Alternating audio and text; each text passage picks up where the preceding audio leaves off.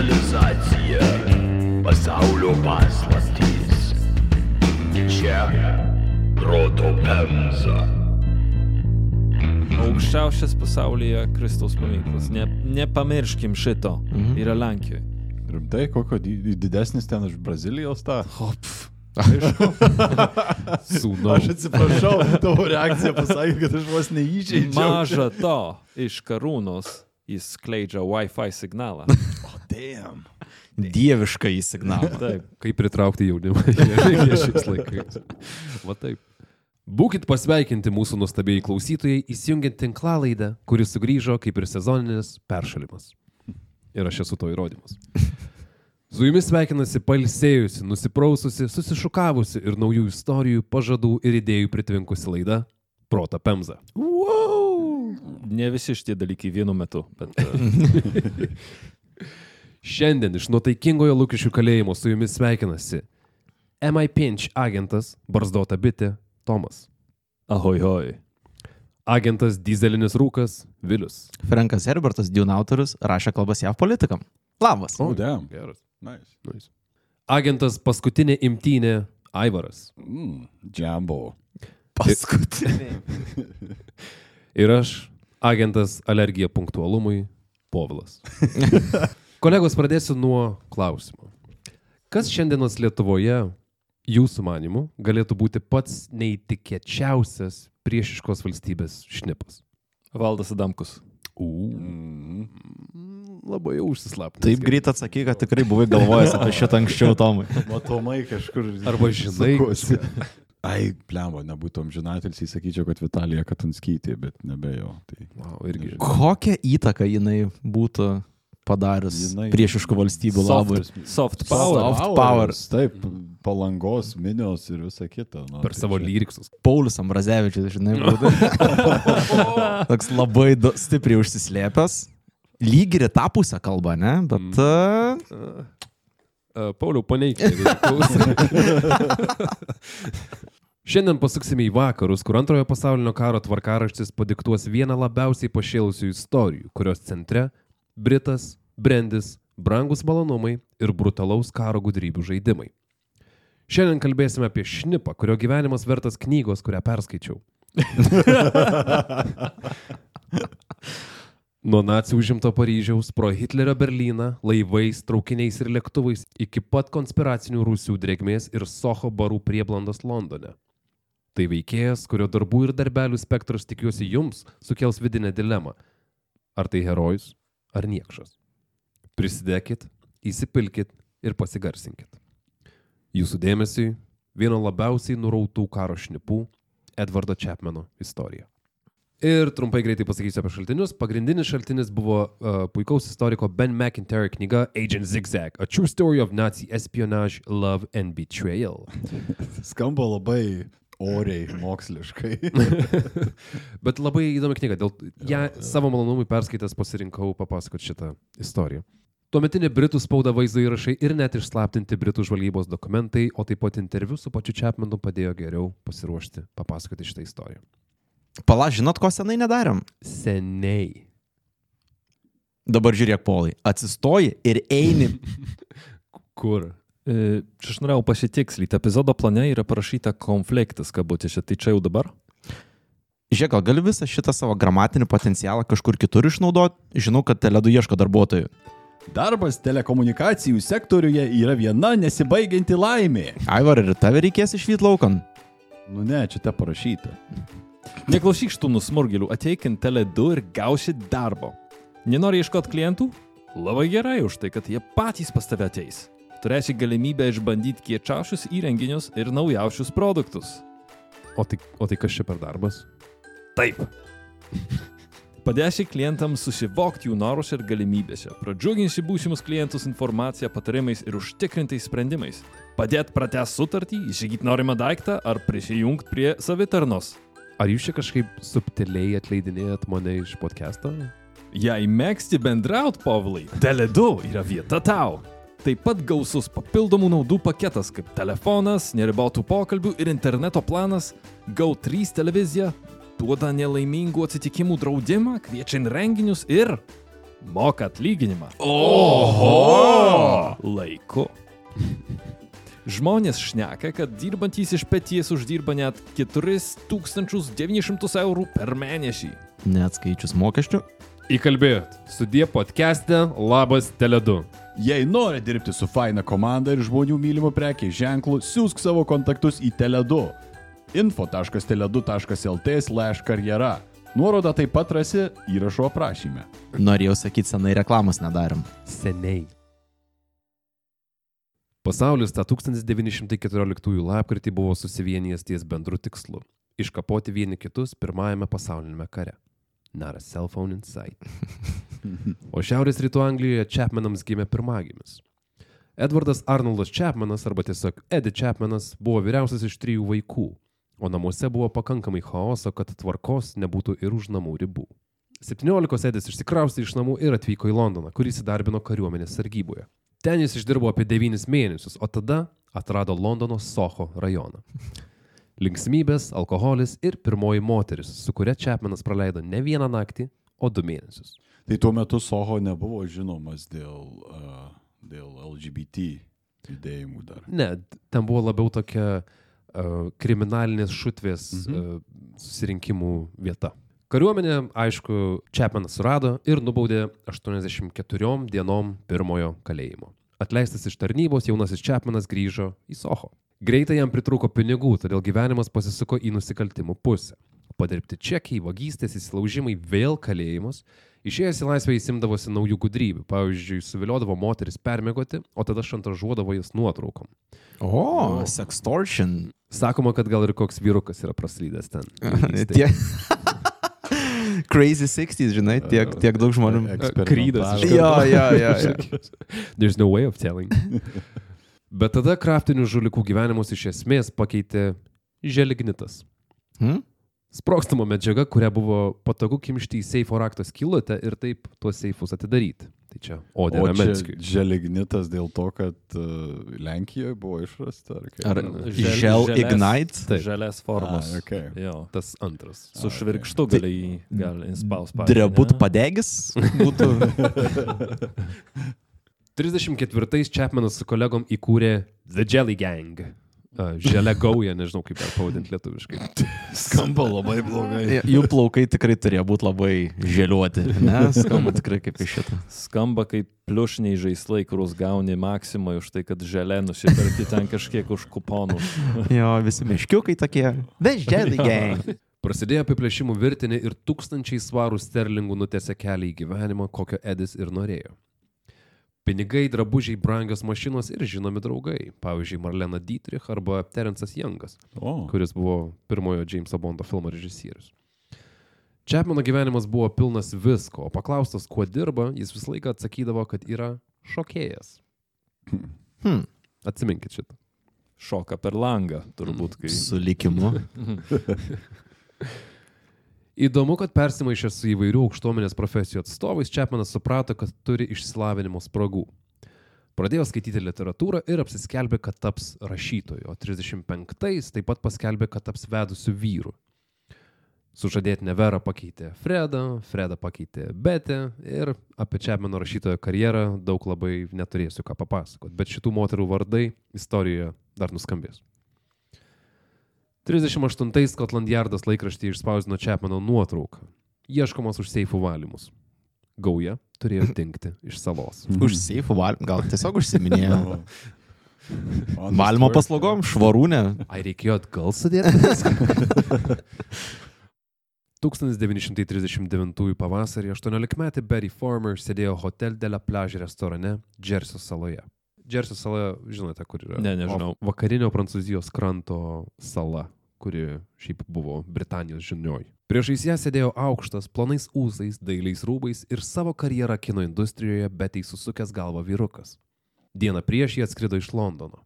Betės naujoji simpatija ją įkalbėjo spontaniškai kelioniai kartu ir ji nieko per daug neklausinėjo. O gal reikėjo? Bet pokalbį staiga nutraukė suakmenėjęs vyro veidas. Jis staiga atsistojo, pabučiavo Betę ir šoko pro uždarytą langą. Šokės. Pro uždarytą langą. Taip, pirmas aukštas, viskas gerai. Okay. Mm. Du vyrai, kuriuos jis pamatė restorane, pradėjo jį vytis. Laiškas išsiųstas merginai Bornmute vakar padėjo suimti du želignito gaujos narius. Trečiasis vyras sugebėjo pabėgti. Jis Edvardas Chapmanas, profesionalus šokėjas, liekno kūno sudėjimo, smulkiais ūsais, labai pavojingas. Man vis kyla klausimas, kodėl šokėjas? Ta prasme, what the Jis- fuck? Iš to, kad iššoko pro langą. Jo, bet net laikraštį įvar- įvardina kaip šokėjas, like dancer parašyta, Taip, like professional dancer. Taip. Tai aš kaip suprantu, turim bičią padaužą, vaginus kaltelį, kuris, tikiu, nuo 39 metų rugsėjo 1 gaus kitų kažkokių užduočių, ne?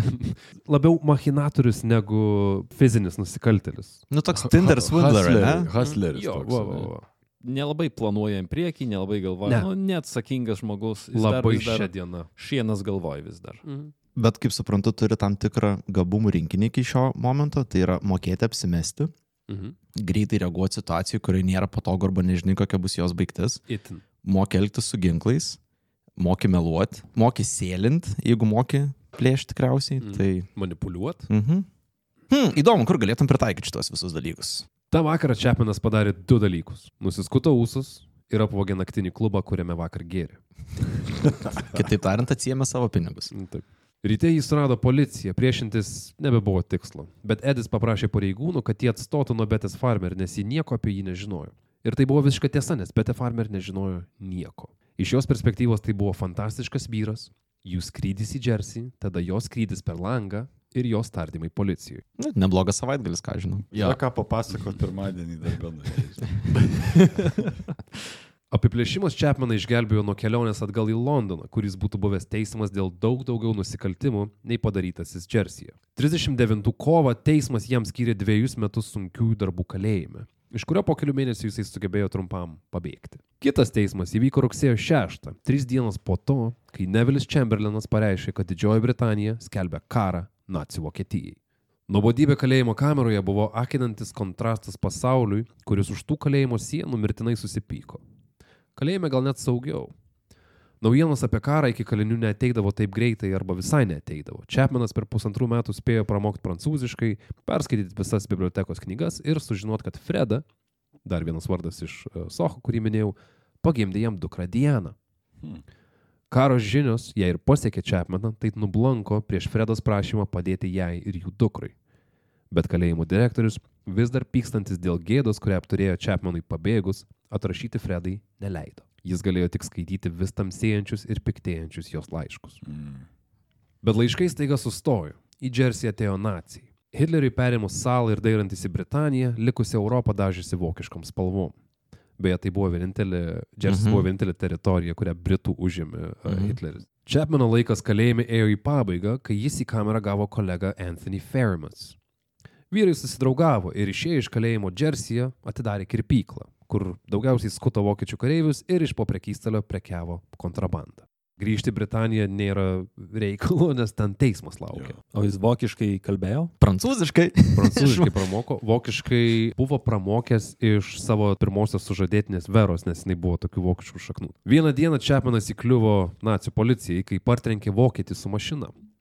Tai įvyko, nes nacijai saloje apkeitė kelio pusės iš britiško standarto į, į tą paprastą. Gali kaltinti tik patys save dėl šitos nelaimės. O tai ką jam daryti? Tai palikti apkapirką man? Ja, Čia- bet po to, jeigu tave numuša kaip kareivi mašina, ta prasme, čia joks ne antivokiškas veiksmas, žinai, bet Nu, jo. fucking confusing, man. Nu, nu kaip?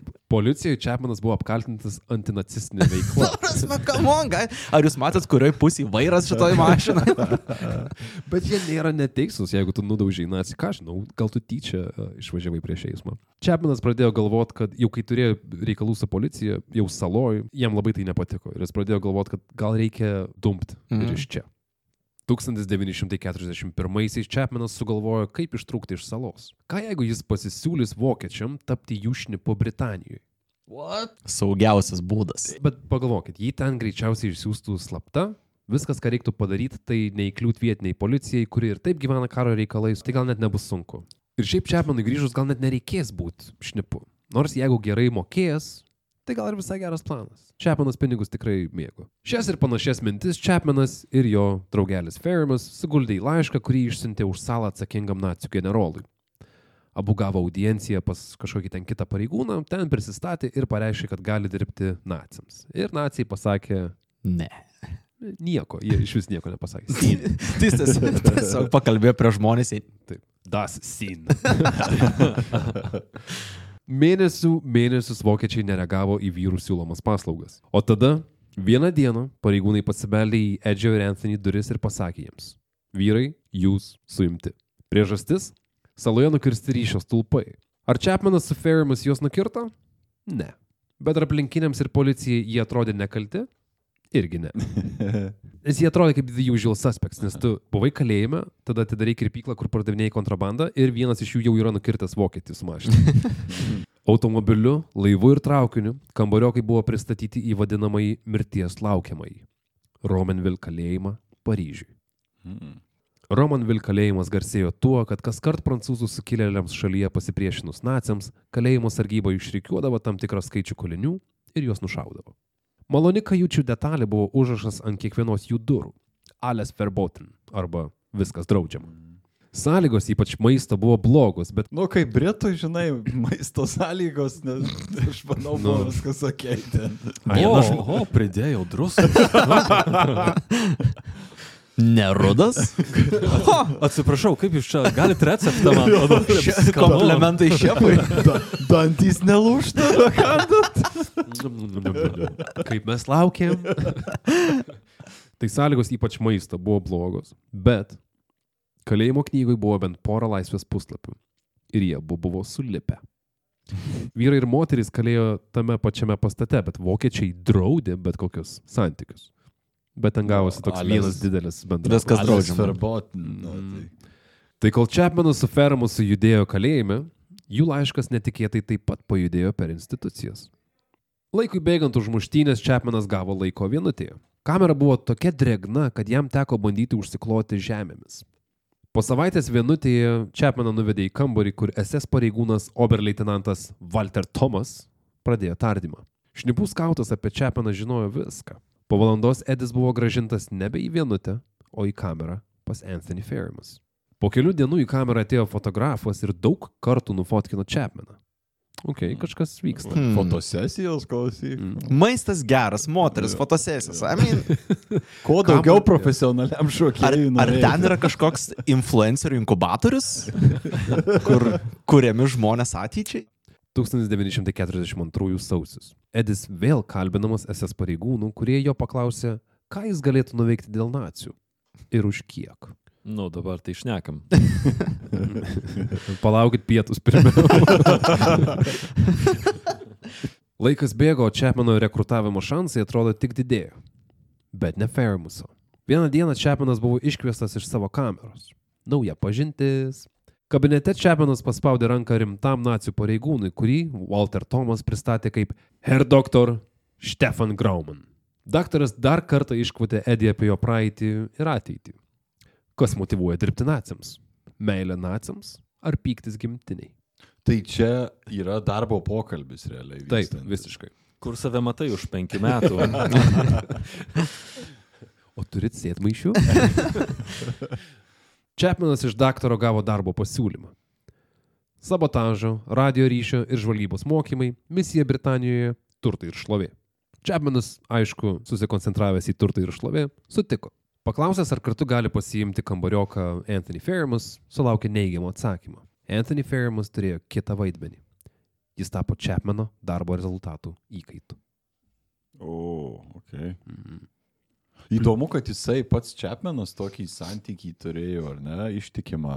Kaip ir vienintelis draugas jo buvo. Mm. Ir jam rūpėjo. Nu, Draugas. tiesiog įdomu, kad ar ne, jisai kaip ir pradėjęs gyvenimą kaip savotiškas sociopatas, jis nu, kažkokį santykį sukūrė su kitu žmogum galiausiai, ar ne? Kaip... Mhm.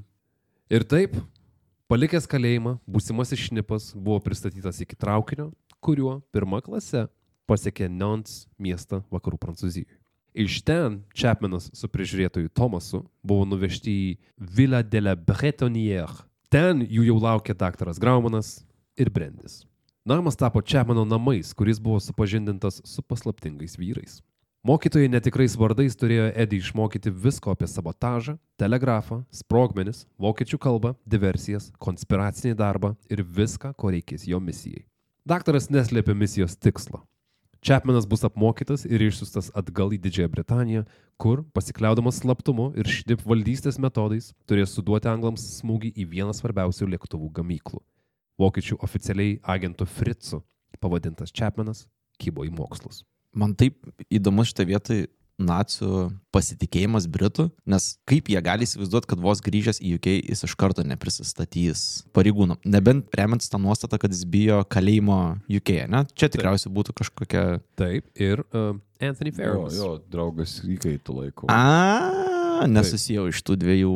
Plus, Okay. plus Čepanas uh, prie pietų stalo visus Die Heil sakydavo ir Heil Hitler. Ir jis, taip, uh, jis visai pasišventė tam darbui. Vokiečiai uh, Britanijai turėjo šnipų, bet visi arba beveik visi anglam buvo žinomi.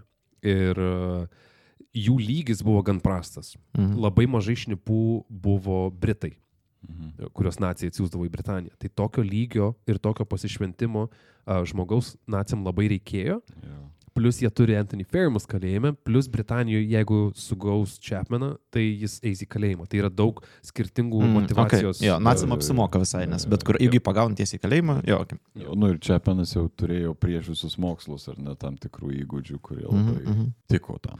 Retai tokį taiko šitą Mhm. naciam. Britanijoje buvo tokia kolektyvinė įtarinėjimų, šnipavimų mm. psichozė. Mm. Ir labai daug žmonių buvo, pavyzdžiui, kemšami į kalėjimus. Net nekalti žmonės buvo kemšami mm. į kalėjimus. Tai jiem reikėjo ne tokio eilinio žemaitaičio, o tokio actual profesionalo. Šnipų gimnazijoje Chapmanas buvo vienintelis mokinys. Jam buvo galima vaikščioti po apylinkės, bet neišsiduoti, kas jis ir ką čia veikia. Jį pastoviai lydėjo pareigūnas, su sutiktaisiais kalbėti tik vokiškai ir jokių moterų. Dienos buvo įdomios. Nuo ryto mokymai, tada sotus pietus, vėl mokymai, pertraukėlė, dar pasimokyti ir žiūrėk, jau vakaras galima ir palisėti, atsipalaiduoti prie alaus ar kortų. Brendžio. Brendžio tikrai buvo ir apskritai alkoholio viloj netrūko, o jeigu ir būtų pritrūkę, tai tik dėl daktaro Graumano troškulio. Mhm. Šeštadieniais kelionė į Nanto miestą, kur vyrai vakarieniaudavo prabangiuose restoranuose ar užsukdavo į viešnamį. Čiapmanas net pasakojo, kad e, vienam viešnamį vis sutikdavo tą patį vyrą, e, Albertą, net davė jam e, pravardę Jolie Albert. A, Nacijai davė Čiapmanui komfortabilų gyvenimą, diempinigius ir linksmą kompaniją.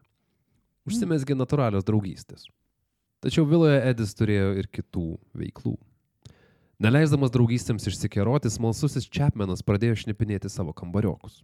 Prisiminkim, kad jie visi nesakė jam savo tikrų vardų. Daktaro Graumano vardas irgi nebuvo daktaras Graumanas.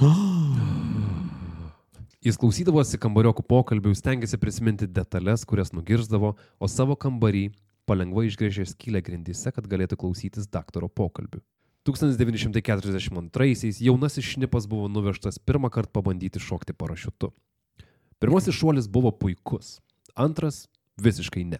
Parašiutas susipainiojo dar būnant ore ir Edis dribo ant žemės iš maždaug 15 metrų aukščio tiesiai ant veido.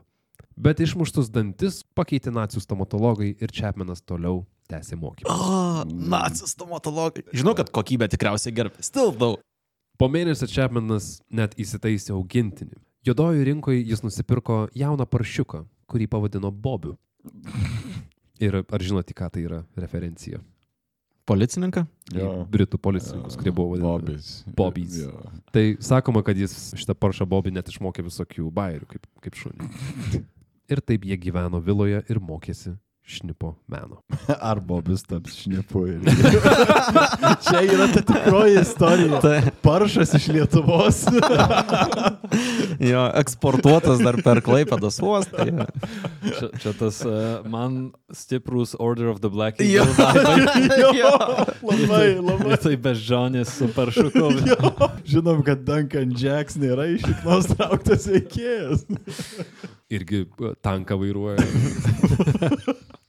Sakei, triukų mokė visokių. Ir jau šnipas yra.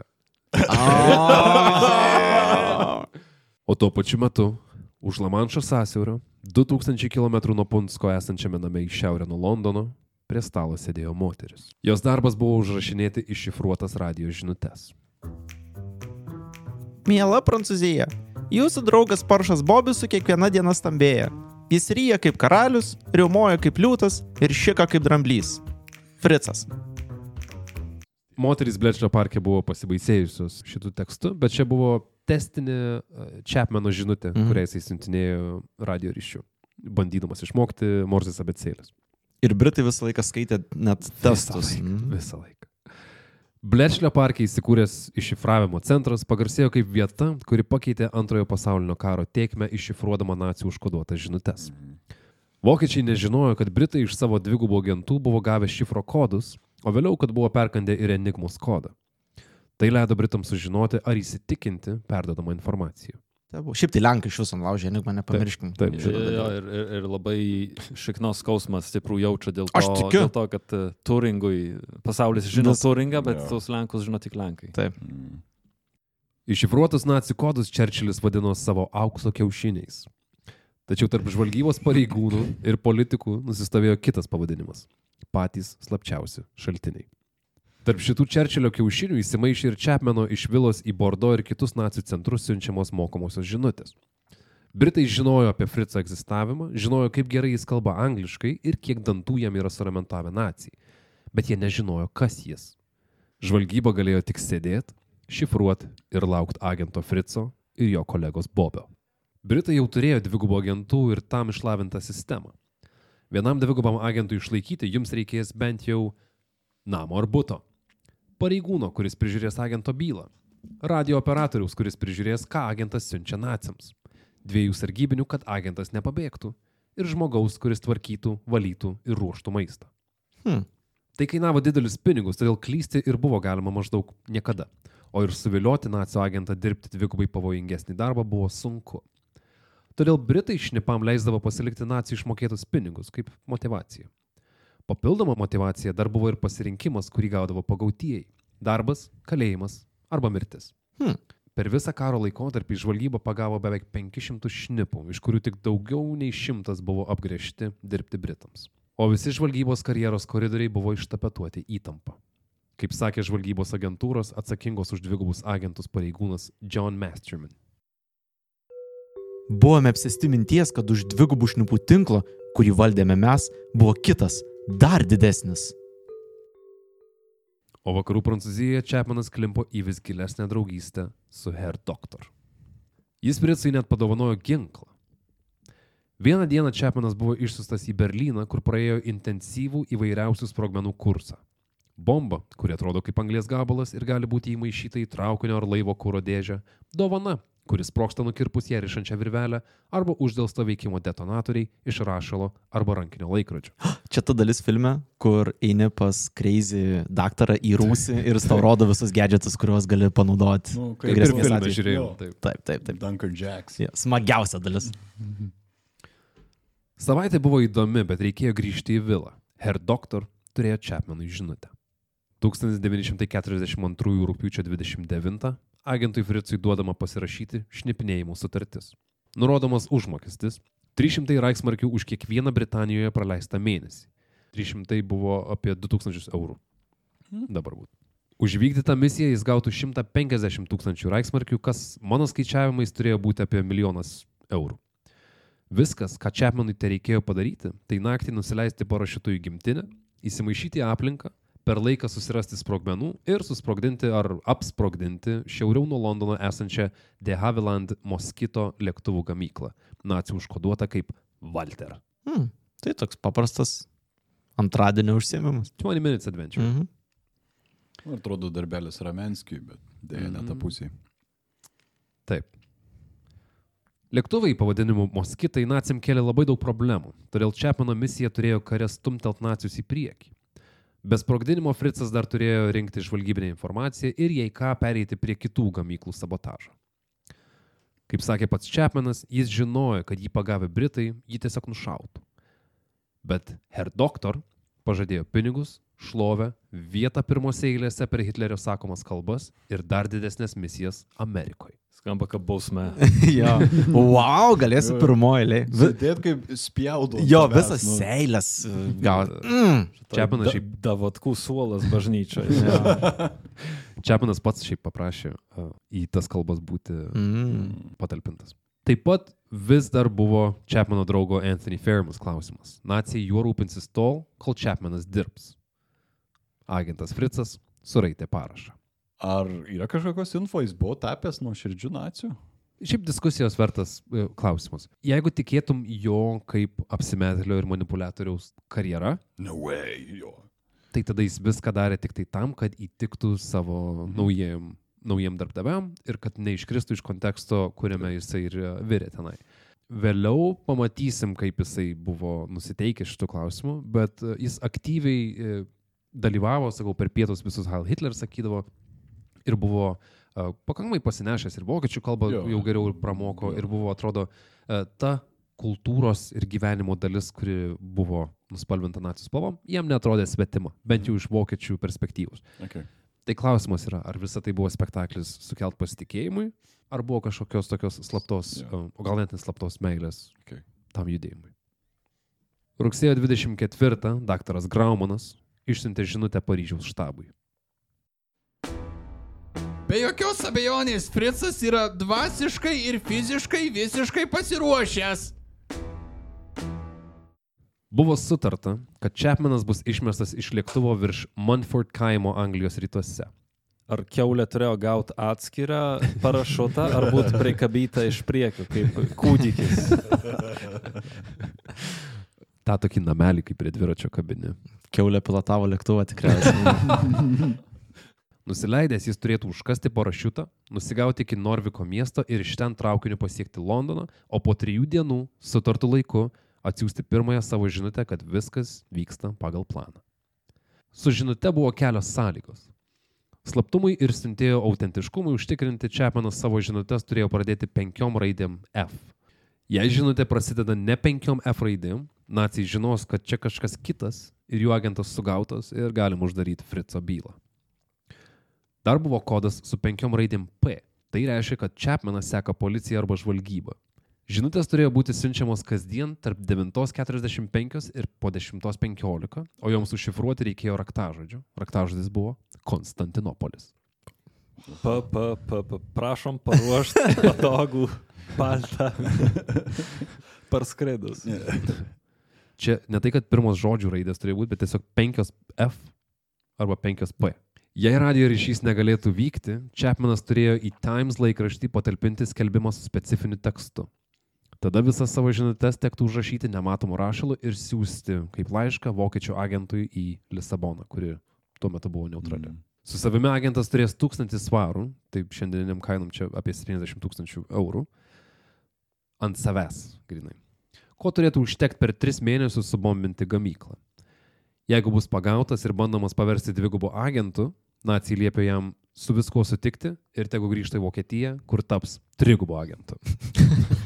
Įdomu, Atrodo, kiek laiko tai buvo. Planas foolproof tiesiog. 1942 gruodžio 12 įvyko Frico išlydėtuvų vakarėlis.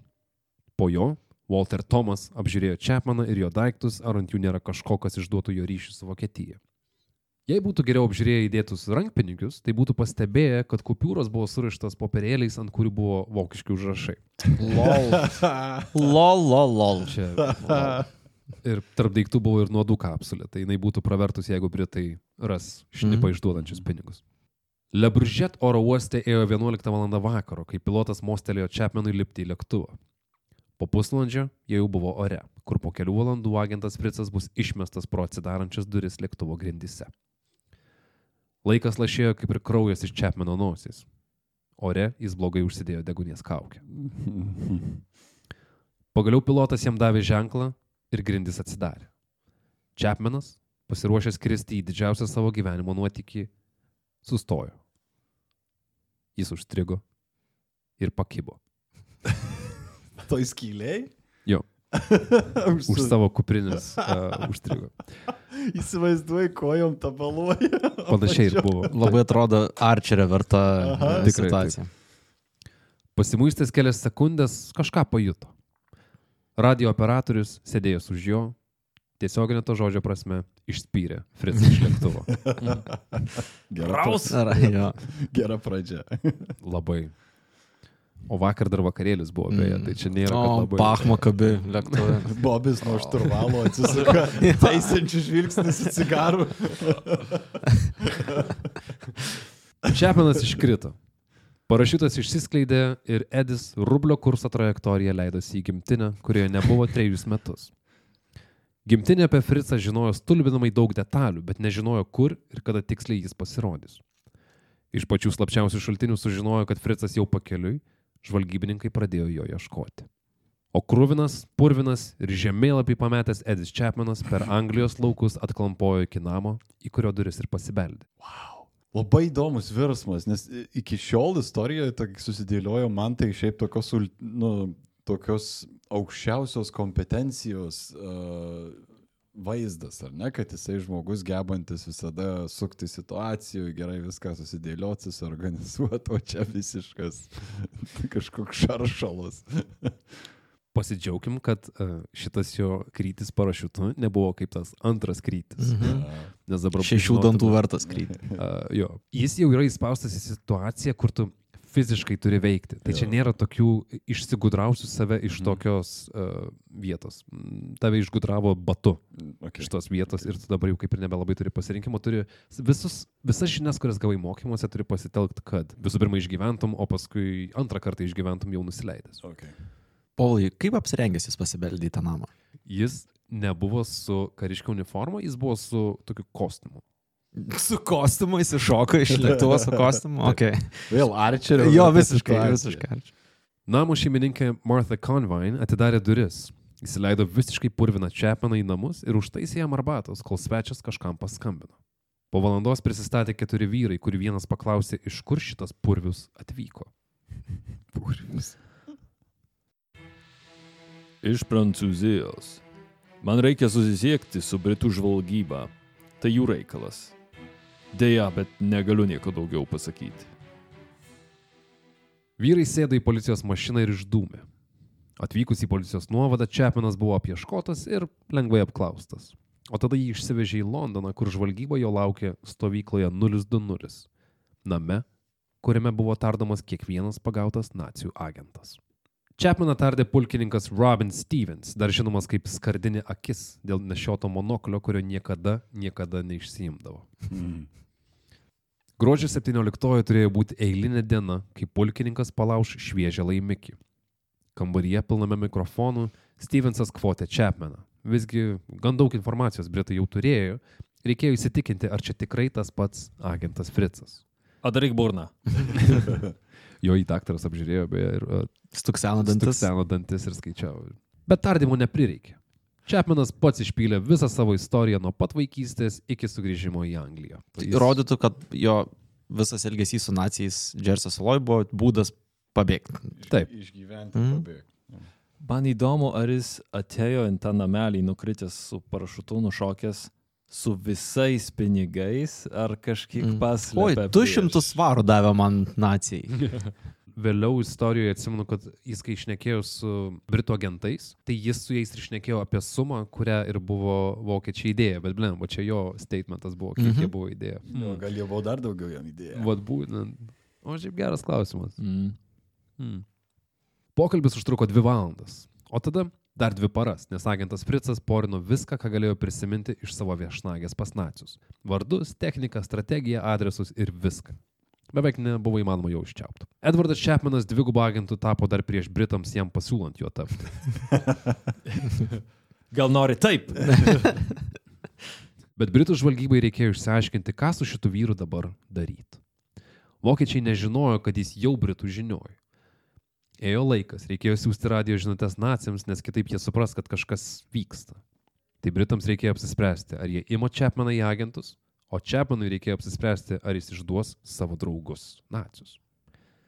Ir e, ant kiek stiprus buvo ryšys vis dėlto su tuo draugu, kuris Mm. liko nacijų Mhm. nelaisviai. Tai matyt, Taip.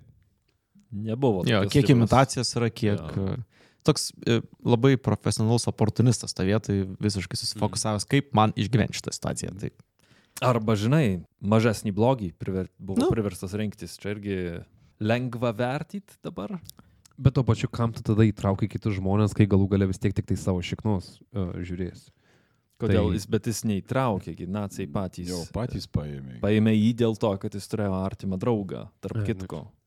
Svertas iš karto yra. Nu, jis galėjo nesutikti ir likti su draugeliu kalėjime. Nu. Pulkininkas Stevensas nusprendė, kad Fritzą negalima tiesiog paleisti, bet negalima ir įgrūsti į kalėjimą.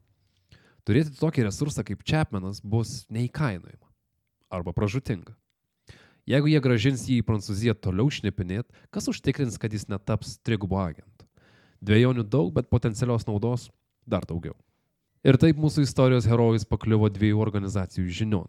B1A skyrius rūpinosi nacijų agentų reverbavimu, o XX komitetas informacija, kuri bus siunčiama priešui. XX komitetas. Taip, komi, uh, The XX Committee. Uh, žinot, kodėl toks pavadinimas? Nes tai yra X yra kaip cross ir yra double cross. O, okay. nice. Žiauriai cool. Ir taip naujasis darbuotojas gavo slapyvardį. Agentas Zigzagas. Chapmano prižiūrėtojų tapo kapitonas Ronnie Reed, buvęs BBC radio inžinierius, naujai atradęs save kare. Rydas prižiūrėdavo dvigubų agentų siunčiamas radio žinutės, kad tose nebūtų jokių detalių, kurios naciams išduotų tiesą apie situaciją. Ir e, jeigu dar norėsit išgirsti apie Ronnie Reed ir jo vaidmenį dar vienai tokiai labai įdomiai operacijai, tai kviečiu įsijungti po savaitės idėjų kompostą, kur e, bus dar viena su šnipais susijusi grandiozinė istorija, kur pakalbėsim apie Britų žvalgybos pasiekimus. Nu, aš tai jau tikrai įsijungsiu. Gerai, aš Mhm. priversiu. Nežinau kaip jūs, bet. Tai su Ronnie Reed pagalba ir priežiūra buvo išsiusta pirmoji žinutė atgal į okupuotą Prancūziją. FFFFF. Atvykau. Viskas gerai su draugais. Ok. Hi, hu, ha. Kas ten gale buvo? Liko, dar sumokėjo už daugiau ir jam liko raidžių porą. Už tą Gali. pačią. Lol. Pridėti. XD. XOXO Fritz. Čiamanas, kai mokėsi siuntinėti žinutės, niekas ten jo per daug neprižiūrėdavo, kokį turinį jisai siūs. Tai siūsdavo dažnai e, britiškų dainelių, visokių anegdotų, e, kad ir kas ten gaudavo tas žinutės, turėdavo skaityti. Bet gale žinučių jis dažnai įbrukdavo juoko skieminius mhm. tokius. Tai autentiškumui sukurti jis vėl pridėjo mm. Mm, okay. šitus dalykus, lyg tai būtų tikrai jisai. Nu, savo rašymo stilių turi žmogus. Taip.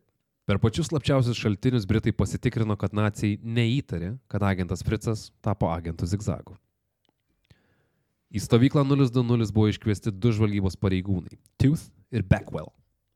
Jie turėjo nuvežti Edvardą Simpsoną, čia Edvardo, čia Edvardui Chapmanui duotas uh, Vardas. slaptas Mhm. vardas. Jo, jo.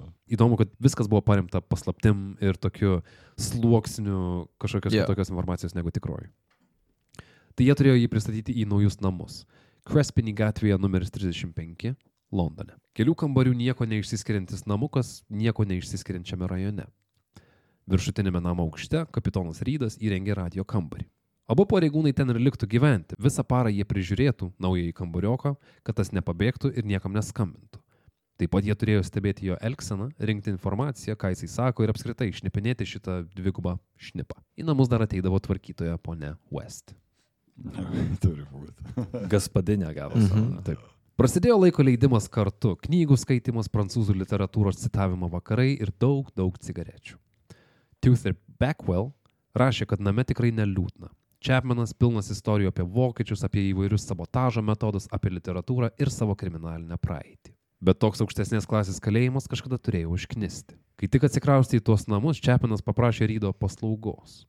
Prašymas buvo surasti Fredą, moterį, kurios laiškus Edis gaudavo kalėjime. Moterį, kuri pagimdė jų dukrą, kuriai jau turėjo būti maždaug treji metai. Jis norėjo jas pamatyti. Rydas vis mykė, kad jie negali jos rasti, kad viskas nėra taip paprasta, bet Čiapanas dėl to nugrimzdavo į paaugliškas nuotaikas. Tiesiog nueidavo į savo kambarį ir gulėdavo visą laiką. Čia jam 28 metai ir šituo metu, jeigu Iš teisingai. jo. Mhm. Atsiradusi trintis, kulminacija pasiekė gruodžio 27-osios vakare. Čiapmanas užkodavo žinutę naciams, Rydas aprūvino.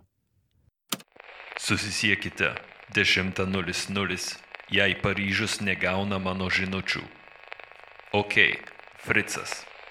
Hu ha hu ho. Kaip manot, kaip manot, kas nutiko? Nu, šitą žinutę turėjo visiškai ne, nepraeit, nes nebuvo jokių raidžių. Nei F, nei P nėra. Dešimtukas, Aivarai. puikiai. Tai tu greičiau supratai negu jie, nes jie suprato tik tai už kokių dešimties minučių gerdami kavą, gerdami arbatą. Kur išsiplečia akis. Tai... O! Vis, visi tuo pačiu metu išspjauna kavą. Nukrito podelis kavos, sulėtinti. Kitą rytą Rydui informavus tarnybas visi pašėlo. Atsirado rizika ne tik zigzagą prarast, bet sukelt nacijų įtarimus ir dėl kitų agentų. Kaip jau seniai šitoje laidoje buvo minėta, buvo vėliau. Tuti fruti situacija? Teisingai. Jei. Bet kaip sakė filmas This is Spinal Tap, šitas eina iki 11. Vakare Rydas su Čepmenu nusintė dar vieną žinutę. F, F, F, F, F. Sorry, girtas per kalėdas pamiršau F, F, F, F, F. Su kalėdom. F. What the fuck? Čia buvo jų planas, kaip išsivartyti iš situacijos. Faina, kad parašo, kad pamiršau 5F, Mm. kas Taip, dar išduoda. tai išduoda nu, koduotę jo. pačią. tipo. Wow. Parą. Britai parą laukia, ar pačiuose slapčiausiuose šaltiniuose pasirodys nacijų žinutės apie visą šitą situaciją. Ir nacijai patikėjo.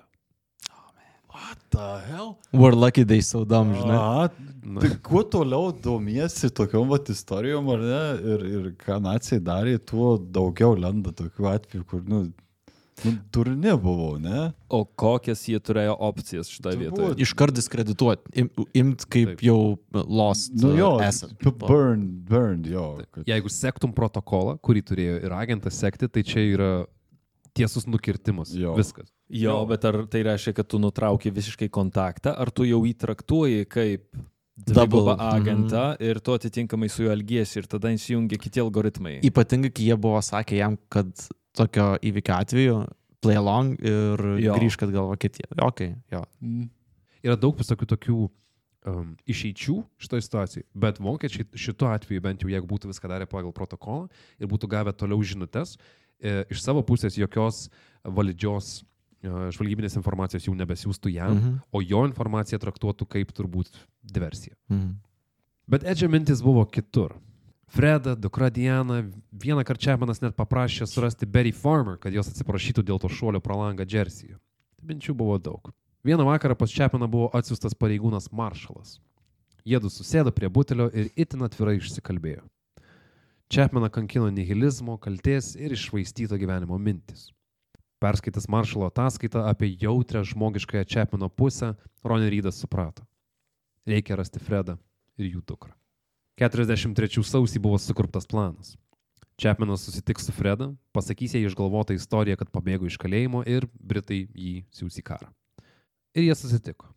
Susitikus Freda turėjo labai mažai klausimų, bet gal buvo pripratus, kai Čepinas buvo nusikaltėlis, kad ir į namus ateina keistų žmonių ir jisai Mhm. dinksta kuriam laikui ir jinai tokia nebuvo per daug a, kelianti scenų. Jai ir jų dukrai buvo leista įsikraustyti į Krespinį gatvės namą. Ir taip, nuo kitos dienos name gyveno daug maž disfunkcinė šeima su šnipu tėvu ir nieko neklausinėjančia mama ir dukra ir dviem žvalgybos pareigūnais. Dabar Britai viename name turėjo dvi priežastis, dėl kurių agento Zigzago noras pabėgti pas nacius turėjo sumažėti - Freda Mhm. ir Diana. Mhm.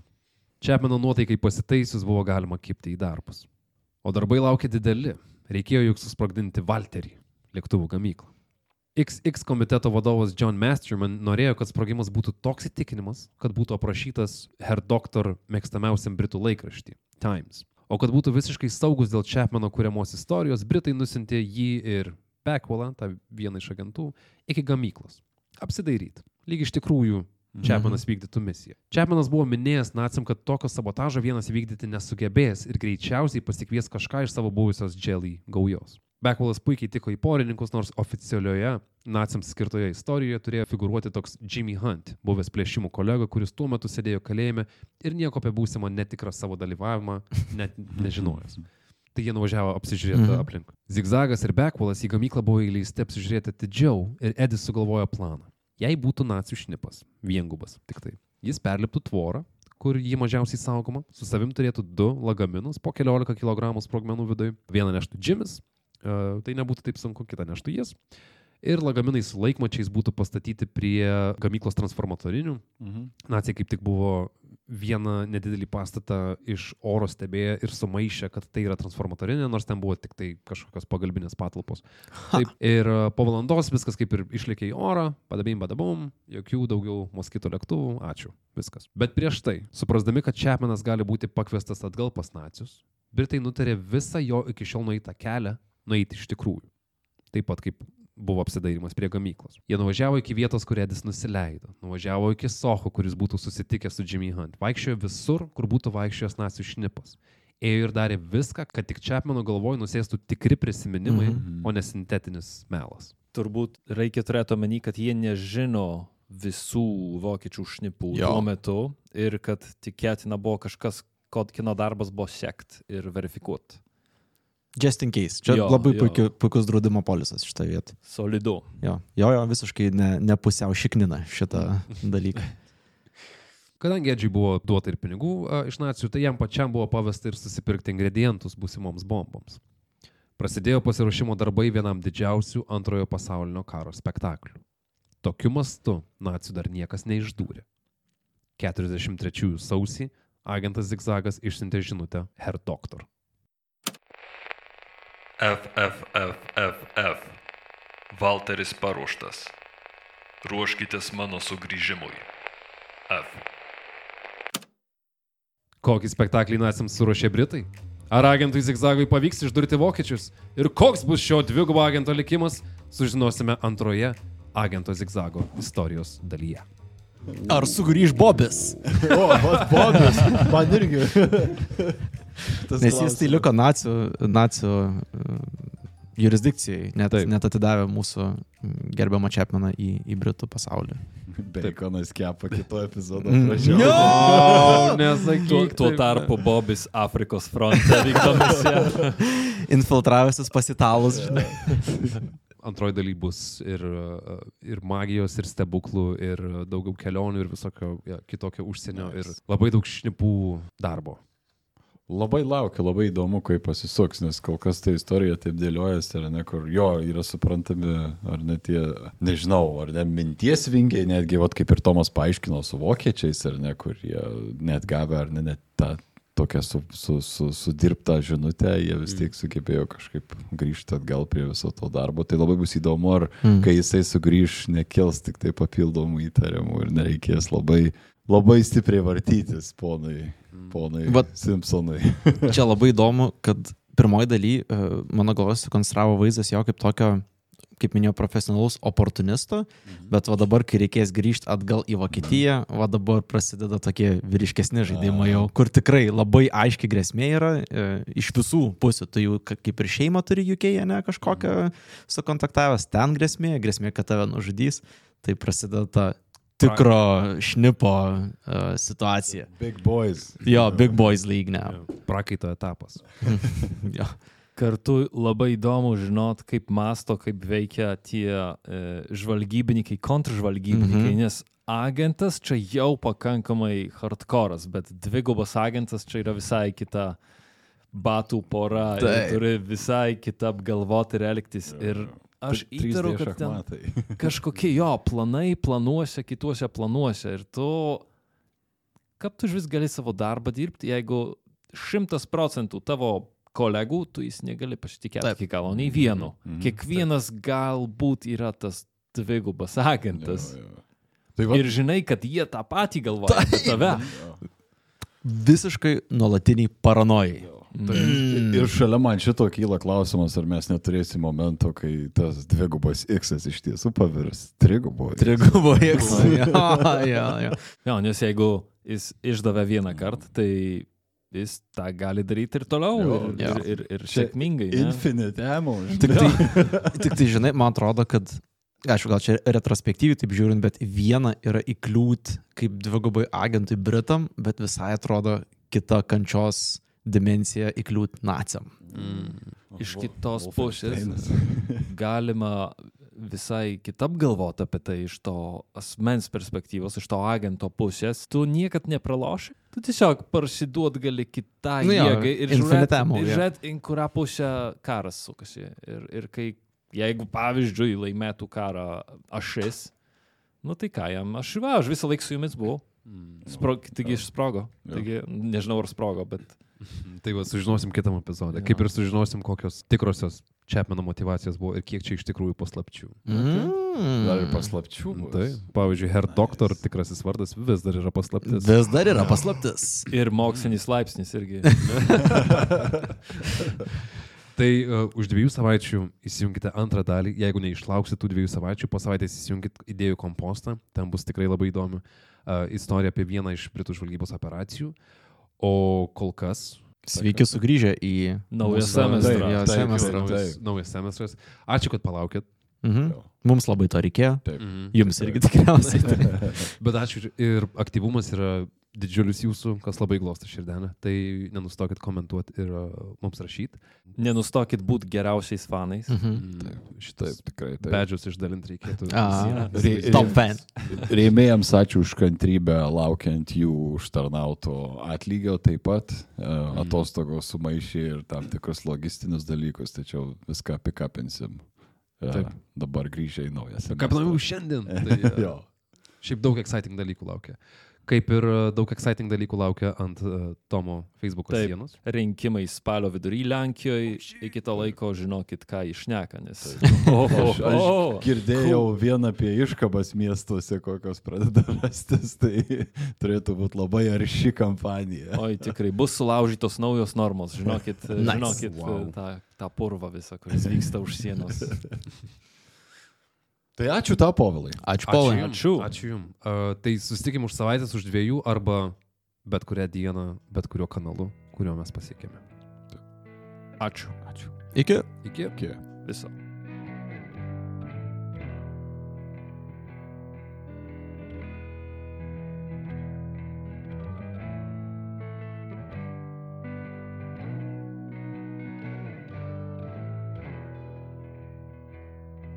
Ačiū, kad perklausėt epizodą, dar palaukit biški, ypač jeigu esate mūsų rėmėjai.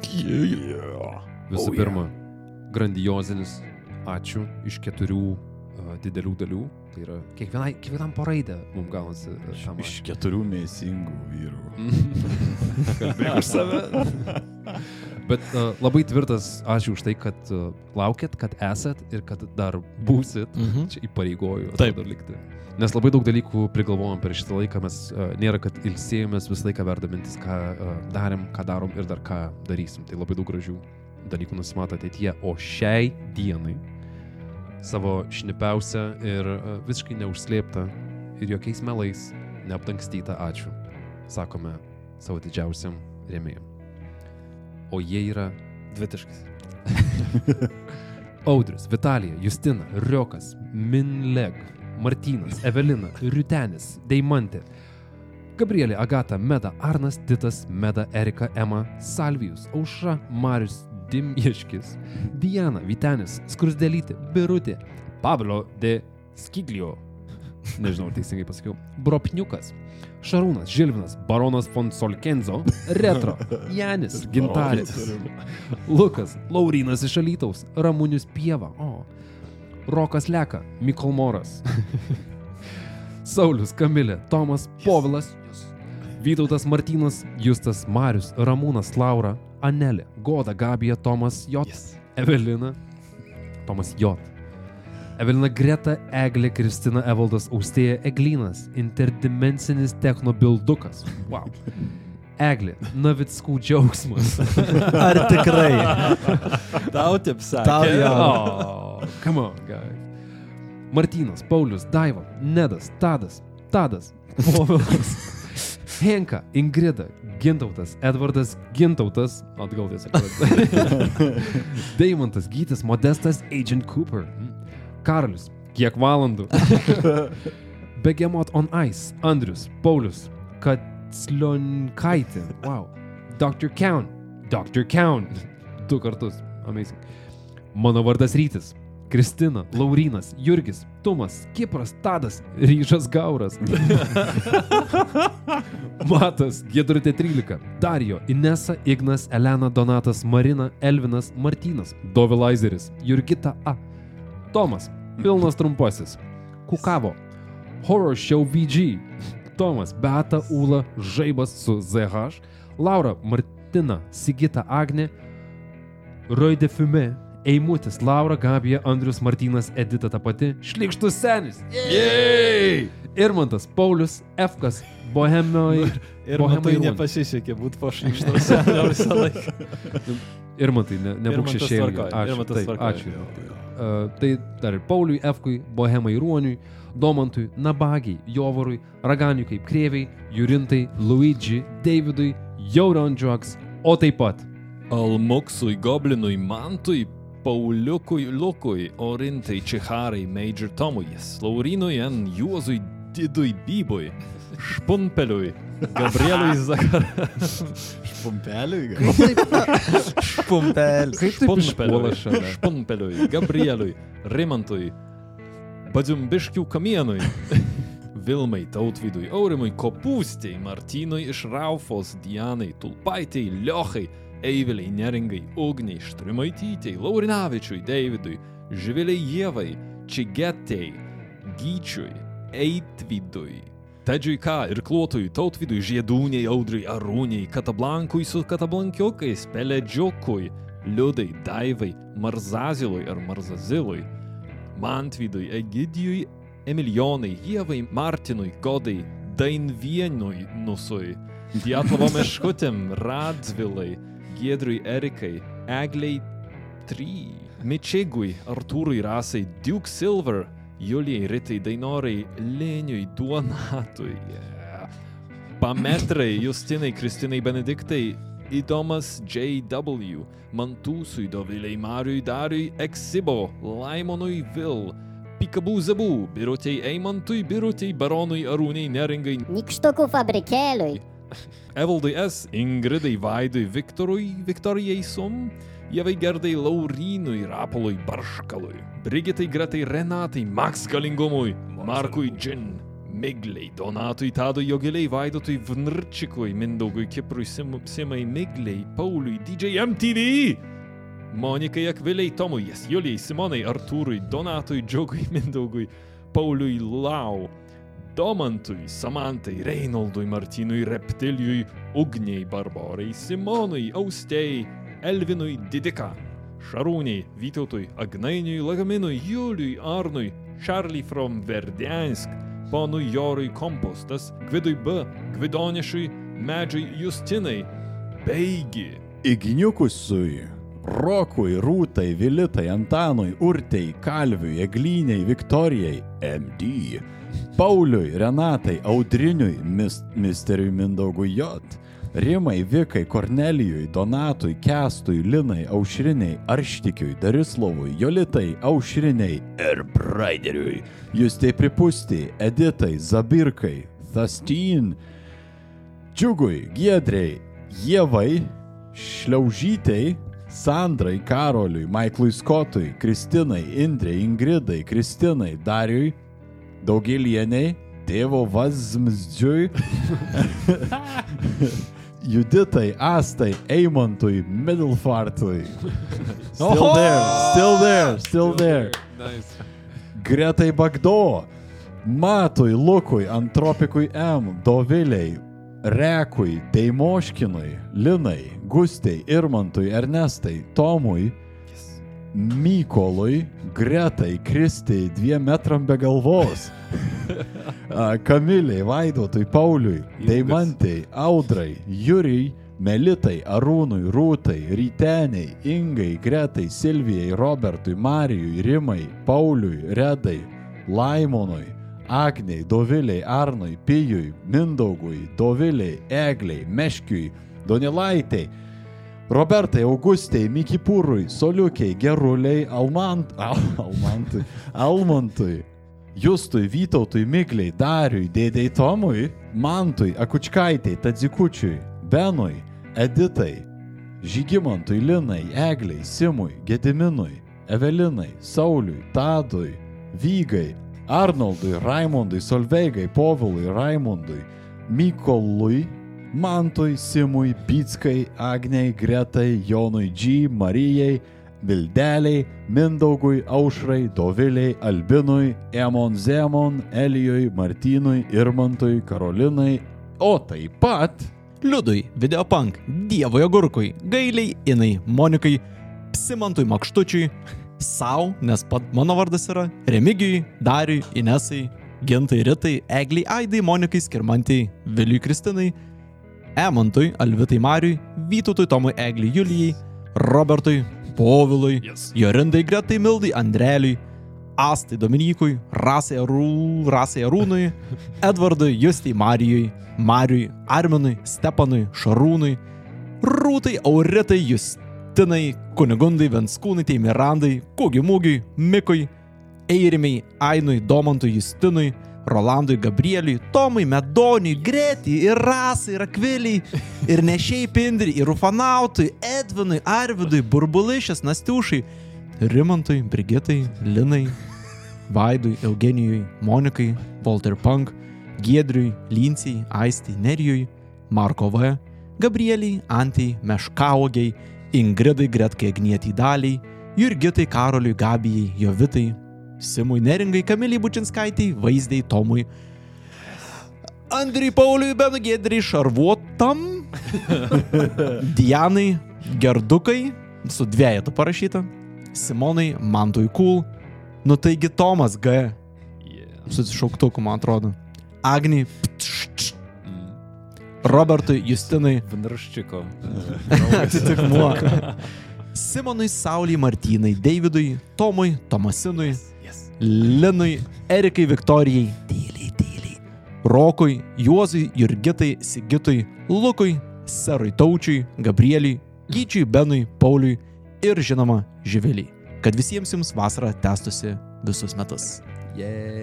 Nieko nepridėsi jau čia. Puikiai pasakyta. Ačiū. Ačiū. Ačiū.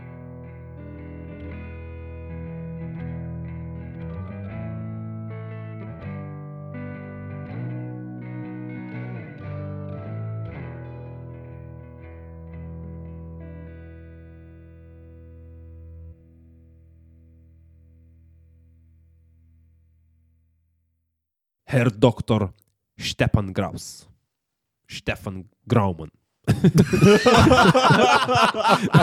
Net ne taip perskaičiu. Graus ir grauman jo. Ir...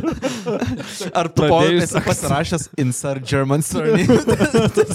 Pradėjus vokiškai sakyti, man tas raus iš. Graus something. Grau.